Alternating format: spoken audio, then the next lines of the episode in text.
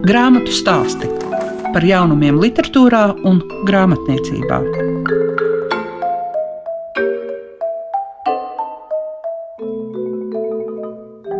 Esiet sveicināti visi tie, kas klausās grāmatu stāstus kopā ar jums Liega Piešiņa, un šodien būs gana dzīsks raidījums, jo dzirdēsit Kasparu Zalānu, viņam ir iznācis debijas krājums telegrammas, savukārt apgādā liels un mazs iznākusī Indreka Kofa grāmata, kur palika bērni, arī uzdod bezgala daudz dažādu jautājumu, kā sarunāties un kā lasīt kopā ar bērniem.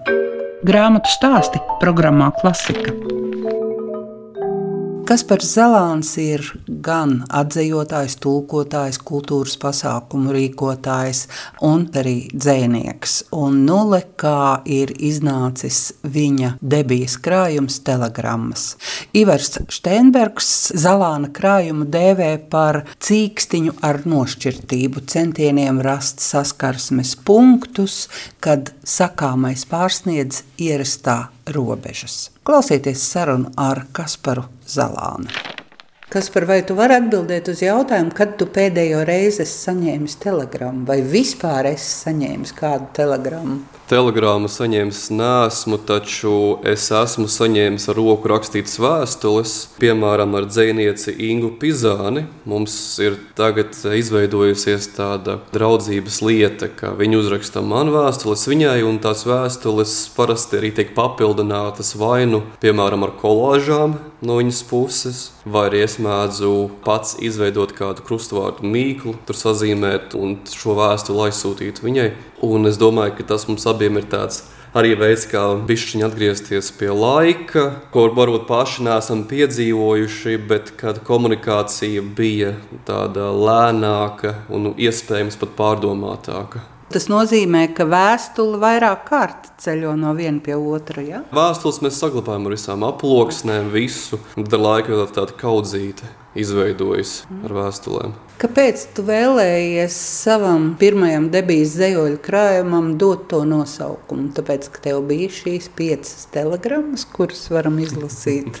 Īstenībā nē, man doma par nosaukumu telegrammas sakņojas tajā, ka es vispār uzskatu, ka māksla būtībā ir komunikācijas līdzeklis, saziņas līdzeklis, jo mākslas darbs kuram nav adresāts vai e, cilvēks, kurš to lasa, vai skatās, vai klausās, šis mākslas darbs būtībā pastāv vakumā. Tāpēc arī krājumā ir e, četras nodaļas, un katra nodaļa ir veltīta sava veida saziņai, sākot ar saziņu ar apkārtējo vidi, beidzot ar jā, saziņu ar mākslu, ar rakstīto vārdu. Un telegrāma man likās ļoti ietilpīga metāfora tam, tāpēc, ka no vienas puses, cik es zinu, telegrāma bija ļoti efektīvs un lakonisks saziņas līdzeklis. Gan tāpēc, ka ierobežots, gan arī tāpēc, ka tur principā pēc būtības bija jāietver pati galvenā doma. Taču no otras puses, kaut kādā ziņā, jā, tieši šo ierobežojumu dēļ, tādēļ, ka telegrāma no mūsdienu skatu punkta var likties diezgan novecojis saziņas līdzeklis. Caur to es arī gribēju parādīt, ka jebkura komunikācija vienmēr, un varbūt par laimi, varbūt diemžēl, ir savā ziņā nepilnīga. Jo nu, vienmēr ir kaut kas, ko mēs cenšamies pateikt, un kaut kas, ko sadzird otrs. Un tāpēc arī man pašam būs ļoti interesanti uzzināt, un es jau esmu uzzinājis to, ko lasītāji ir izlasījuši un sadzirdējuši dzējoļos, kas varbūt nevienmēr ir bijusi mana iecerē, taču manā skatījumā tas tieši ir tas skaistais. Nosmējos par to, ka tev nav problēmu ar pieturzīmēm, komatiem un punktiem, bet tev ir problēma ar lielajiem burtiem. Savos dzējoļos tu tos esi pazaudējis vai aizmirsis.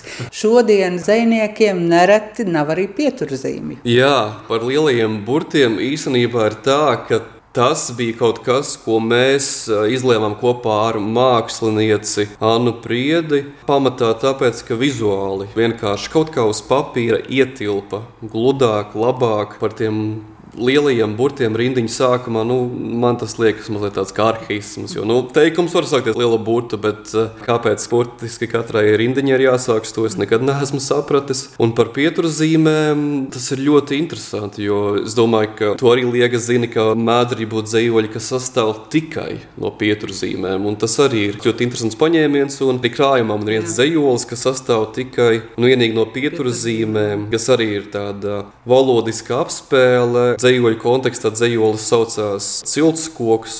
Vērīgs lasītājs pamanīs, ka starp daudzām jautājumu zīmēm ir viena izsaukuma zīme. Tad var arī attiecīgi domāt, kāpēc tā.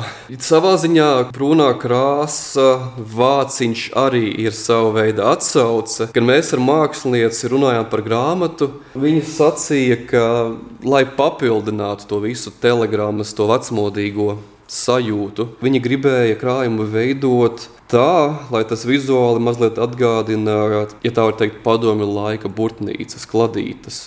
Un tas brūnais vāciņš tā arī atsauc uz to visu, arī uz kladēm, ko esmu principā atradis tikai vecāku bērniņos, teiksim, pats varbūt izmantojis īsti nesmu. Savā ziņā, jā, es teiktu, vizuāli un arī tekstuāli krājums, manuprāt, tāpēc iemieso tādu viduspunktu starp kaut ko diezgan vecmodīgu un arī ļoti jauneklīgu un modernu, un to arī vizuāli centāmies parādīt. Kad tu sāki rakstīt, jo tevi mēs zinām kā tulkotāju, kā pasākuma organizatoru, to, ka tu proti dzējiski izteikties. Bet kas bija arī tas, kas teica, vajag tos dzējoļus vienos vakos? Rakstīt sāku diezgan pasen, 21 gada vecumā, tā nopietnāk dzinulis, kas pamudināja. Nu, no šodienas skatu punkta diezgan traģikomisks. Es tolaik dzīvoju Skotijā, izšķīros no meitenes, bulgāru, un tad, lai pārvarētu sirds stāstus, kaut kā jūtu vilkmi, to visu uzlikt uz papīra. Un pēc tam, kad biju šo savu sāpju uz papīra izlicis, pārlasot, kaut kā likās, ka kaut kas poetisks tajā visā ir sanācis un pat dzīsks. Un nezinu kā, bet savā ziņā ar to arī āķis bija lūpā. Sāku arī rakstīt vairāk un vairāk. Jā, tad Skotijā es apmeklēju tādu savu veidu literāru akadēmiju, pēc tam Latvijā tāpat, un tā tas viss attīstījās, attīstījās. Un tad līdz grāmatai, es domāju, vienā brīdī bija tāda sajūta, ka hmm, man jau ir kaut kādas 11 publikācijas, esmu pats piedalījies 11 lasījumos, ka gan arī likumsakarīgi vajag spērt to nākamo soli, jo citādi, kad ir jau 26 gadi, teiksim, un tu vēl tiec dēvēts par jauno dzinieku, paliek jau tā saudabīgi. Tad kaut kā, kad es sāku šķetinēt tās savas attiecības ar dzēju, un kad es skatos to kā uz komunikāciju, Tad arī kaut kā ļoti dabiski nāca uh, šis koncepts par telegrammām, par visu to nodaļu sadalījumu. Un tad kaut kā arī ļoti dabiski dzējoļi krājumā sakārtojās, un arī, ja vajadzēja, pierakstījās klāt. Un, protams, pēc tam mēs pieslīpējām daudz ko no piekuriģējām ar redaktoru Aivaru Eipuru, taču principā, kad es gāju pie viņa, tad jau tas skelets uzbūve bija gana līdzīga tam, kā ir šobrīd. Mm. Tagad, kad ir dzīslas dienas, jau nu, var teikt, finiša taisnē, un daudz par to ir runāts, ir tā, ka vecākās paudzes cilvēki saka, ka agrāk viņi dzīslu lasīja vairāk. Kādas tev vispār ir attiecības ar citu rakstīto dzīslu? Ir bijušas fāzes. Man bija fāze, kad es biju uzlicis ultimātu, ka man obligāti ir dienā teiksim, jāizlasa trīs līdz pieci dzējoļi. Jo, ja es tā nedaru, tad kā es varu vispār skaitīties par dzējnieku un ko es tad es varu zināt par dzējas tendencēm un tādā garā? Tā man vairs nav. Protams, dzēju es eh, lasu tik un tā regulāri un, un sekoju līdzi visam jaunākajam, kas iznāk. Par to, kas mani uzrunā Latvijas kontekstā. Šobrīd personiski var teikt, ka es ļoti gaidu un ar cerībām skatos uz jauno censoņu paudzi. Dažus no kuriem es arī uzlūdzu savā pasākumā. Es, es gaidu viņu darbus. Jā, manā pasākumā tie bija Rihards Ošanieks, Paula Lūcija Lēņa un Jonatans Melgalvis. Jo no vienas puses man joprojām ļoti uzrunā un, un aizrauja teiksim, gan tas, kā un ko raksta Artus Ostops vai Arvis Viguls. Jā, tādi jau teiksim, sevi pierādījuši, apliecinoši dzēdari. Bet no otras puses ir mazliet tāda sajūta, ka vajag jaunas asinis, jaunas balsis, jaunas intonācijas. Jo savā ziņā Artis Ostops, piemēram, raksta labi tieši tāpēc, ka var atpazīt viņa rakstību. lieliski, bet vienmēr jau gribās kaut ko jaunu un vēl nebijušu. Un kamēr, teiksim, vēl jaunā paudze vēl nav debitējusi ar grāmatām, tad šobrīd es arī esmu sācis vairāk no jauna iepazīt amerikāņu dzīslu ainu, un tuvākajā laikā ceru arī vairāk Vācijas, un Austrijas un to valstu dzīslu ainu iepazīt, jo valodu apgūstu. Ja mēs saliekam līdzās šos divus vārdus, vārds un komunikācija, kas ar mums arī varētu notikt tālāk. Kā jau bija Bībelē, pirmais bija vārds. Un komunikācija, man liekas, ir rezultāts. Komunikācija var notikt, var arī nenotikt. Viss atkarīgs no abām pusēm. Nu, ko es tagad palūkšu mūsu sarunas izskaņā, nolasīt kādu dzējoli? Nolasīšu tādu mīlestības dzējolīti vienu. Yeah kas sākās ar uh, Edvīna Raupa dzējoļu citātu: Ūdeņu sauciens atbalso acīs, skudru skrapsti, skropstu vēdās. Tavs noliegums atbalso manā jogurta karotītē. Ar to es gribu izgaršot visu, kas šeit ir. Rāmos upes lokus, saules spīdumu uz taviem ceļgaliem, puciņu zem snīpīša, vālodzi, kas tevi mudina bēgt, un iespēju būt izolētiem šā mirkļa atolā. Tavs noliegums atbalso manās kurpju šņurēs, putekļiem klātajās, asimetriskajās samierināšanas notekās. Tavs noliegums, kā aizsmakusi elpa kaujas ragā, iepūš manī trīsas. Tavs noliegums manī kaut ko aiztur kā aizbāznes netīras izlietnes iztaku. Lūdzu, atbrīvo mani no šiem glumajiem oļiem pie porngaliem, no vilnīšu skrumšķinātās smilšu sēres, no tavu izelpu viļņainajām pļaukām, vai arī piesien pie kļavas kā pie masta un atstāja ar brīvām ausīm starp vēlamā, taču neiespējamā sirēnām. Bet varbūt, varbūt tomēr ļauj man būt tavam sēklim, ļauj man būt tavai ahilei cīpslai, ļauj man būt tavam neizplūcamajam matiņam padusē, tavai bifidobakterijai jogurta karotītē. Grāmatu stāsti tiem, kam grāmatu lasīšana ir vērtība. Igaunijas dzinieks un tulkotājs Indreks Kofs ir studējis franču valodu un literatūru Tartu Universitātē, un viņš tulko no franču un portugāļu valodas. Jāsaka, to viņš dara lielākoties pieaugušajai auditorijai. Savukārt bērnu literatūrā viņš ienāca 2012. gadā ar grāmatu Mūsu lielais koks. Vēl pēc tam viņš ir radījis deviņas bērnu grāmatas gan dzējā, gan prozā. Latviešu valodā ir tulkot arī tāda grāmata uz mājām. Aizvadītā nedēļā Indreks bija atbraucis uz Rīgu un paviesojās arī Igaunijas skolā, arī Latvijas Nacionālajā bibliotekā. Vienā no šiem mirkļiem, palīdzot uh, tulkotājai Maimai Grīnbergai, arī tapa šī nelielā saruna. Šobrīd daudzkārt tiek uzdots jautājums par lasīt spēju, lasīt prieku, bet Indreks Kovs uzdod jautājumu, kur palika bērni. Tegelikult seda küsimust lugemisoskuse ja lugemisrõõmu kohta patiesībā jautājumu par lasīšanas prieku un prasmi es uzdodu katru dienu. Un tā kā esmu četru bērnu tēvs, tad esmu centies arī savos bērnos atrast šo lasīšanas prieku. Viena ļoti svarīga lieta ir vakara pasaciņas lasīšana, ko es esmu darījis darījis ilgus, garus gadus, kamēr līdz bērni bija lieli. Otra iespēja, ka es cenšos rakstīt tādas grāmatas, kas bērnus iepriecina. Vai tas nozīmē, ka vispirms ir izstāstīta vakara pasaka, un pēc tam tā ir pārtapusi daudzās bērnu grāmatās? Es tomēr daudz esmu lasījis priekšā grāmatas, taču ir viens izņēmums. Man pirmā grāmata radās tieši tā, ka es stāstīju pats bērniem tātad savus miega stāstus un pēc tam tos saliku grāmatā. Šajā grāmatā, kur palika bērni, ir ļoti daudz būtisku jautājumu. Te viena daļa vainas tiek uzvelta pieaugušajiem. see võib selline mulje. Tāds iespējas, lasot grāmatu, var rasties, ja uz notiekošo skatās no pieaugušā redzes punkta. Taču pārsvarā es cenšos savas grāmatas veidot tā, lai patiesība slēptos kaut kur pa vidu. Nu, tā mums gribētos, bet nevienmēr tā ir, vai ne? Seda küll, aga huvitaval kombel. Tā ir, bet interesantā kārtā, piemēram, runājot ar bērniem un ar pieaugušajiem par grāmatu visu dienu labiņi. Šī ir tāda grāmata, kas eh, ļoti konkrēti dod divus redzes leņķus pieaugušo un bērnu.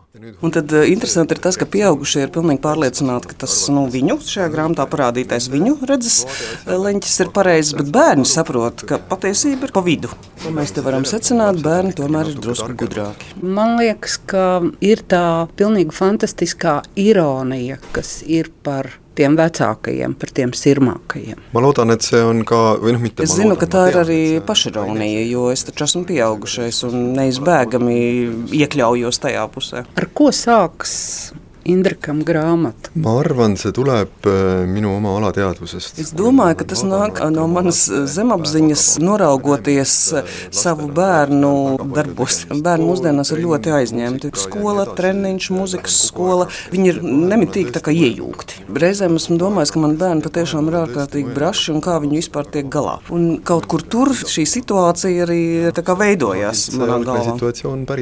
Vai ar rotaļām un spēlēm Indreks uz to ir bijis vienmēr. mängudega küll, aga kõige rohkem. Ar spēlēm, jā, bet visvairāk ar fantāzijas spēlēm. Vienu piemēru var minēt. Es esmu dzimis Padomju Savienības laikā, un um, mēs spēlējām ļoti daudz militārās spēles. Tā bija tāda kara sabiedrība. Bet man patika to spēlēt tā, ka es biju vai nu viens pats, vai kādu draugu kopā, un mēs abi bijām vienā pusē, bet pretinieks bija izdomāts. Mums nebija nekādu reālu zēnu, ar ko mēs karotu. Varbūt tas arī izskaidro, kāpēc esmu kļuvusi par rakstnieku. Rakstnieki ir ļoti dažādi. Es jūtu ļoti lielu vajadzību būt kontaktā ar dzīvi. Es mēdzu par sevi teikt, ka es esmu cilvēku cilvēks. Bet, protams, pēc tam, kad esmu bijis kontaktā ar cilvēkiem, tad, tad nāks vienkārši ik pa brīdim nošķirties, lai, lai varētu uzrakstīt. Grāmatu stāsti programmā Klasika. Indreks Kofs tajā pasākumā, kas notika Latvijas Nacionālajā bibliotekā saistībā ar viņa grāmatu, kur palika bērni, viņš pūta arī mūzikas instrumentu. Ines Zandera, kas Vai? tas tāds bija? Es labprāt arī pūstu, ja vien es mācētu, bet te es varu tikai nopūsties, jo es diemžēl nemāku. Indriks kopā ar saviem diviem dēliem, ja nav slinkums paskatīties Facebookā zem nosaukuma Kofs, Kofs, Kofs, proti trīs kofi, ir atrodams, ka viņi visi trīs spēlē trompetes. Indriks spēlē basu trompeti un abi puikas spēlē trompeti. Un pie tam viņš tagad kopā ar saviem 15-gadīgajiem dēliem ir iestājies vēlreiz muzikas skolā, lai labāk pūstu to trompeti. Bet šajā gadījumā mēs pasākumā bijām izdomājuši tādu loģisku ķēdi, varētu teikt. Indreka dzēja ir tāda muzikāla. Viņa ir atskaņota, noteikti pantmēru, zilbju skaitu, ritmiska, un uh, viņš arī savus sižetiskās poēmas, tā to varētu nosaukt, varoņus, spēja attēlot, ilustrēt ar mūzikas skaņām. Katram varonim atrodot piemērotu izpausmes veidu. Lai gan viņš, protams, uzsver, ka viņš tomēr nav mūziķis un ka viņa galvenais instruments ir vārds. Tā tad ir jau vārds, ar kuru var parādīt to tēlu, ir mūzika, ar kuru var parādīt to tēlu, un bērniem mēs dodam uzdevumu to pašu izvēlēto dzējoli parādīt bez vārdiem un bez mūzikas, ar kustībām. Respektīvi, mēģinājām izspēlēt katru to dzējoli, izvēlēto trīs dažādos veidos, un tāpēc arī Indrikam ir līdz tā taura.